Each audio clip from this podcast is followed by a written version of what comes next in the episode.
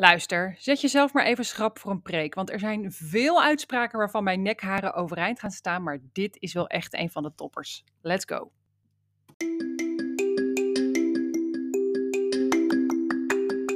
Hey leukert, welkom bij deze aflevering van Evi's Waanzinnige Podcast. Zoals iedere aflevering start ik met een waanzinnige zin en vertel ik je waar hij mij toe inspireert op het gebied van persoonlijke groei, helemaal jezelf zijn en natuurlijk allerlei nerdy weetjes die me te binnen schieten. Laten we erin duiken.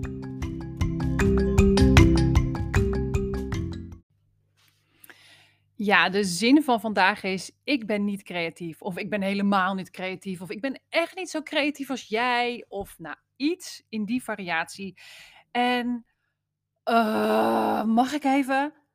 Why mensen, why? Waarom praten we toch op deze manier over onszelf? Er zit zoveel achter, uh, wat natuurlijk helemaal niks met creativiteit te maken heeft. Dus laten we er even induiken. Ik hoop dat ik het op een rijtje hou, want de frustratie is hoog. Oké, punt 1. Het is echt compleet neerbuigend.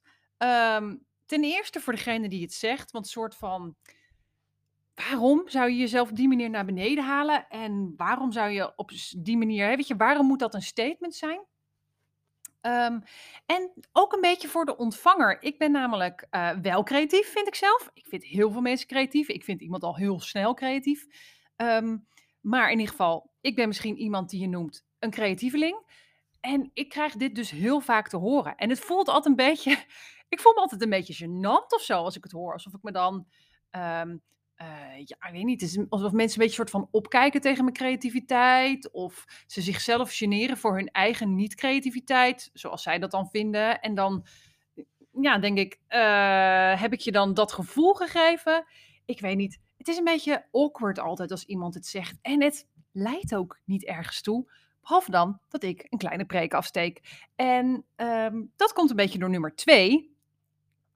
Iedereen is creatief. Ja hoor mensen, we zijn allemaal winnaars. Nee, even serieus. Maar iedereen is creatief in mijn ogen. Alleen, um, we lijken vaak zo'n beperkt beeld te hebben van creativiteit. Uh, het is een beetje in de trant als mensen die ook zeggen: ja, ik heb niet echt een roeping of ik heb geen passie.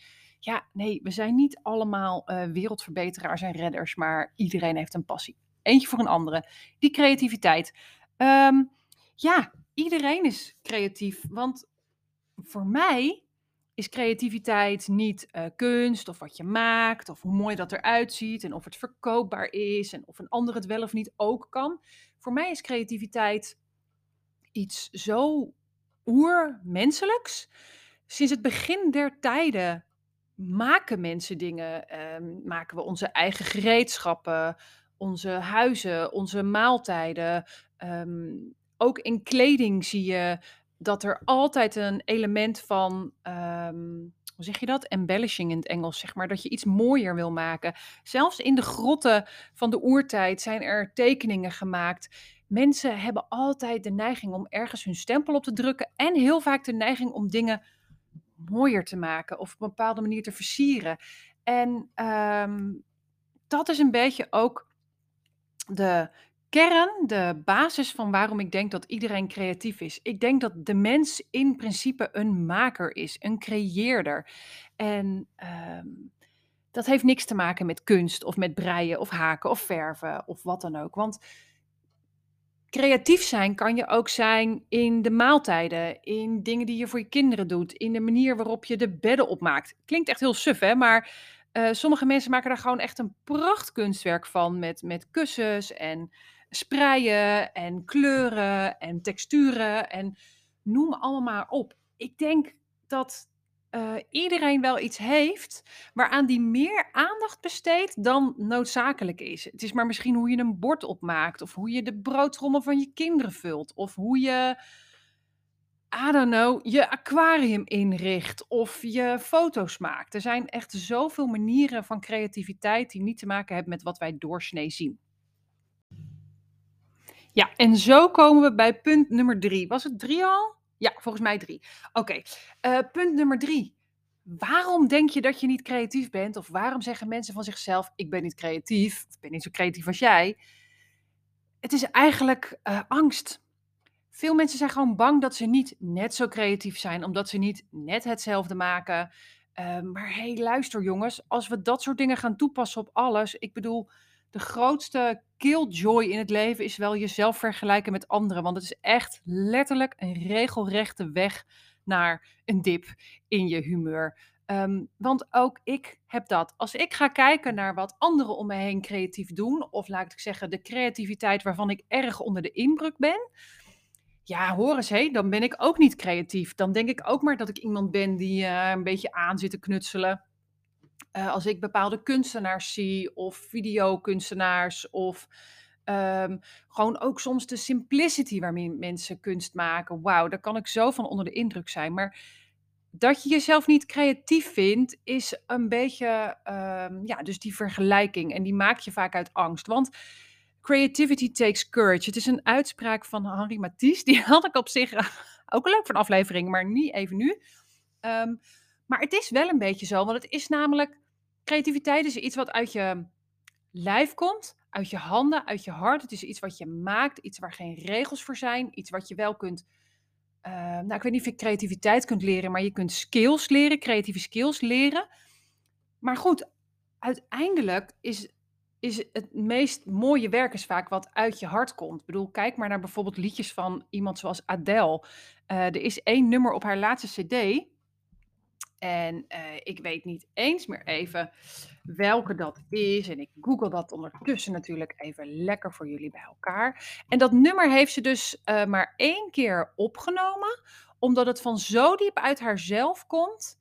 Um, volgens mij is dat Hold On. Maar ik weet het niet zeker. Um, ik zou zeggen, luister hem sowieso even, want hij is prachtig. Maar ze heeft het dus maar één keer opgenomen, omdat het van zo diep uit haarzelf komt, dat ze het gewoon niet vaker kan zingen, zeg maar. Ze zingt het ook niet op optredens.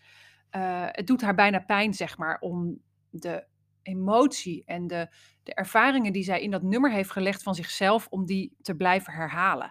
Ja, dat is natuurlijk super prachtig, maar dat geeft natuurlijk wel een beetje aan hoeveel moed je soms nodig hebt om creatief te zijn. Want ook al heeft ze het dan maar één keer gezongen, um, ze heeft het wel gezongen.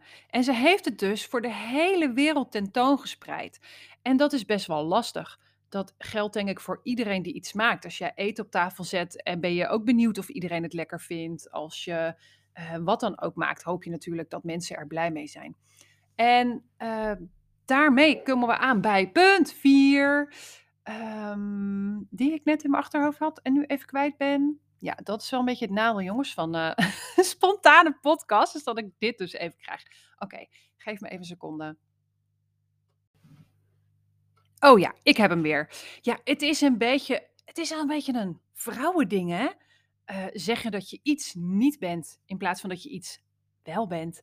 Um, het is een beetje een soort um, uh, een bescheidenheid, maar dan, ik vind het een beetje, een beetje pijnlijk. Beetje pijnlijke bescheidenheid.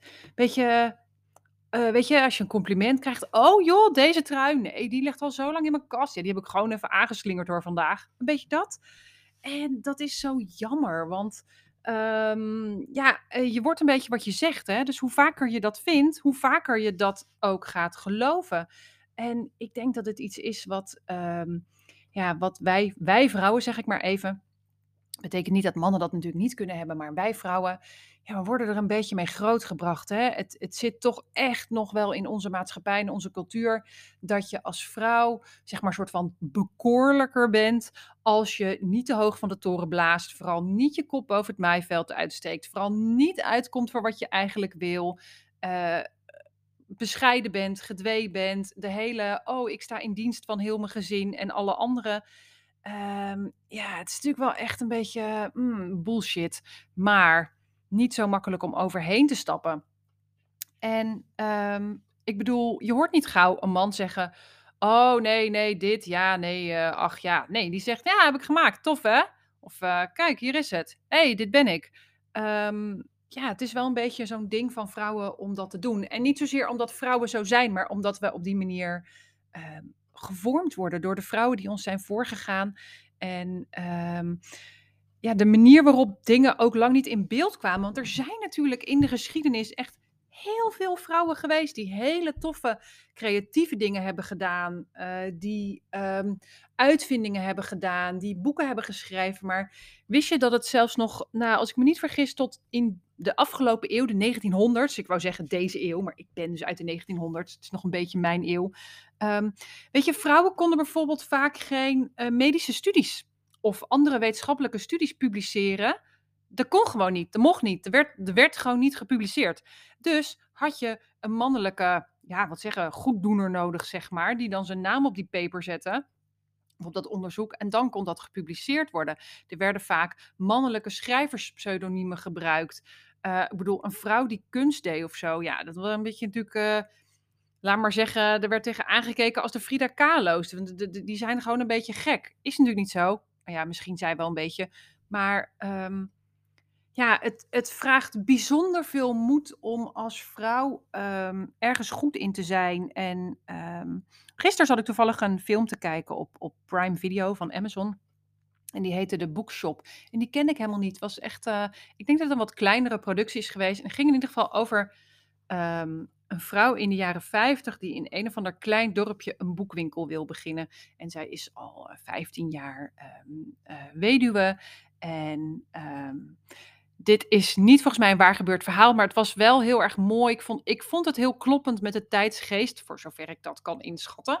Ik was er niet in de jaren 50. Um, maar er werd echt een hoop weerstand en, en allerlei mannen met opmerkingen als... Uh, ja, je hebt zeker wel echt iemand nodig met advies. En hoe denk jij dan dat je weet hoe dat moet? En die vrouw had dus jarenlang in Londen, in een grote stad, uh, in een, in een uh, afdeling gerund van een boek, grote boekwinkel. Um, gewoon die hele kleinering van wat vrouwen wel of niet kunnen en hoe trots ze zou mogen zijn op hun werk en hun uh, uh, uitvindingen en hun ideeën die niet stroken met wat er meestal gehoord wordt van vrouwen. En of ze niet uh, anderen die dan gingen bepalen dat ze best een ander pand nodig had, want ze ging toch niet in die winkel de winkel maken.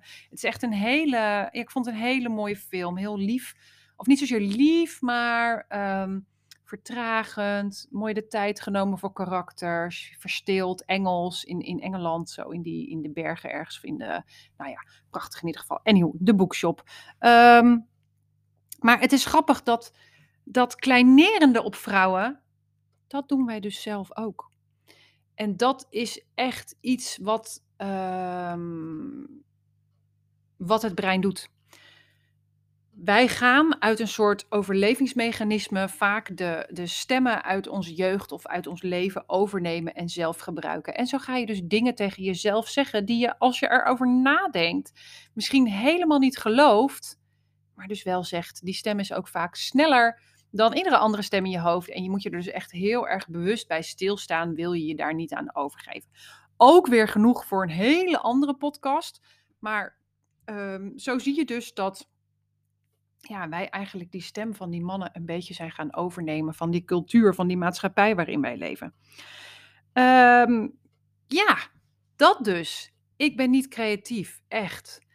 Tenzij je echt werkelijk nergens goed in bent en nog nooit iets gemaakt of gecreëerd hebt. En het kan voor mij part een prachtig financieel document zijn waarvan je klant of je partner zegt: Holy moly, alles weer op een rijtje. Geweldig dit. Het kan ook budgetteren zijn. Het kan ook, weet je, het is inderdaad echt een beetje alles wat je met liefde of passie of aandacht creëert en waar je meer van maakt dan het eigenlijk is. En dat kan echt zoveel zijn als een dekbed mooi omslaan. Hoeft helemaal niet een hele stellage op je bed te maken.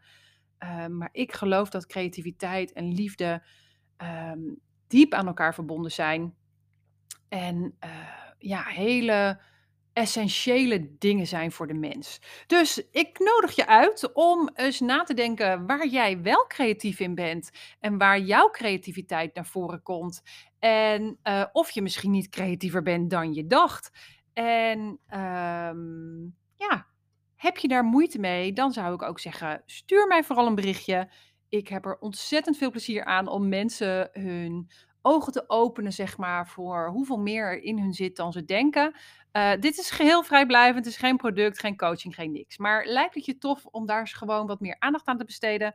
Uh, stuur me even een berichtje via Instagram of zo. En uh, dan gaan we samen eens even kijken. Want ehm, wie weet voel je je wel een heel stuk beter als je jouw creativiteit ontdekt. Oké, dat is hem weer voor vandaag. Ik hoop dat je plezier hebt gehad aan deze podcast. En natuurlijk dat je iets ontdekt hebt over je eigen creativiteit. En ik zie jullie snel weer. Tot de volgende preek. Doei!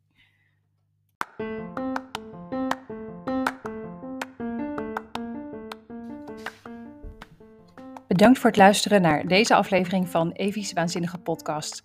Wil je reageren of iets met me delen, dan kan je dat het beste doen via Instagram, at Factory, of via mijn website www.eviesjoyfactory.nl. Als je deze aflevering leuk vond, raad ik je ook aan om je te abonneren op deze podcast, zodat je geen aflevering zult missen. Ik wens je nog een mooie dag en tot de volgende aflevering. Doei!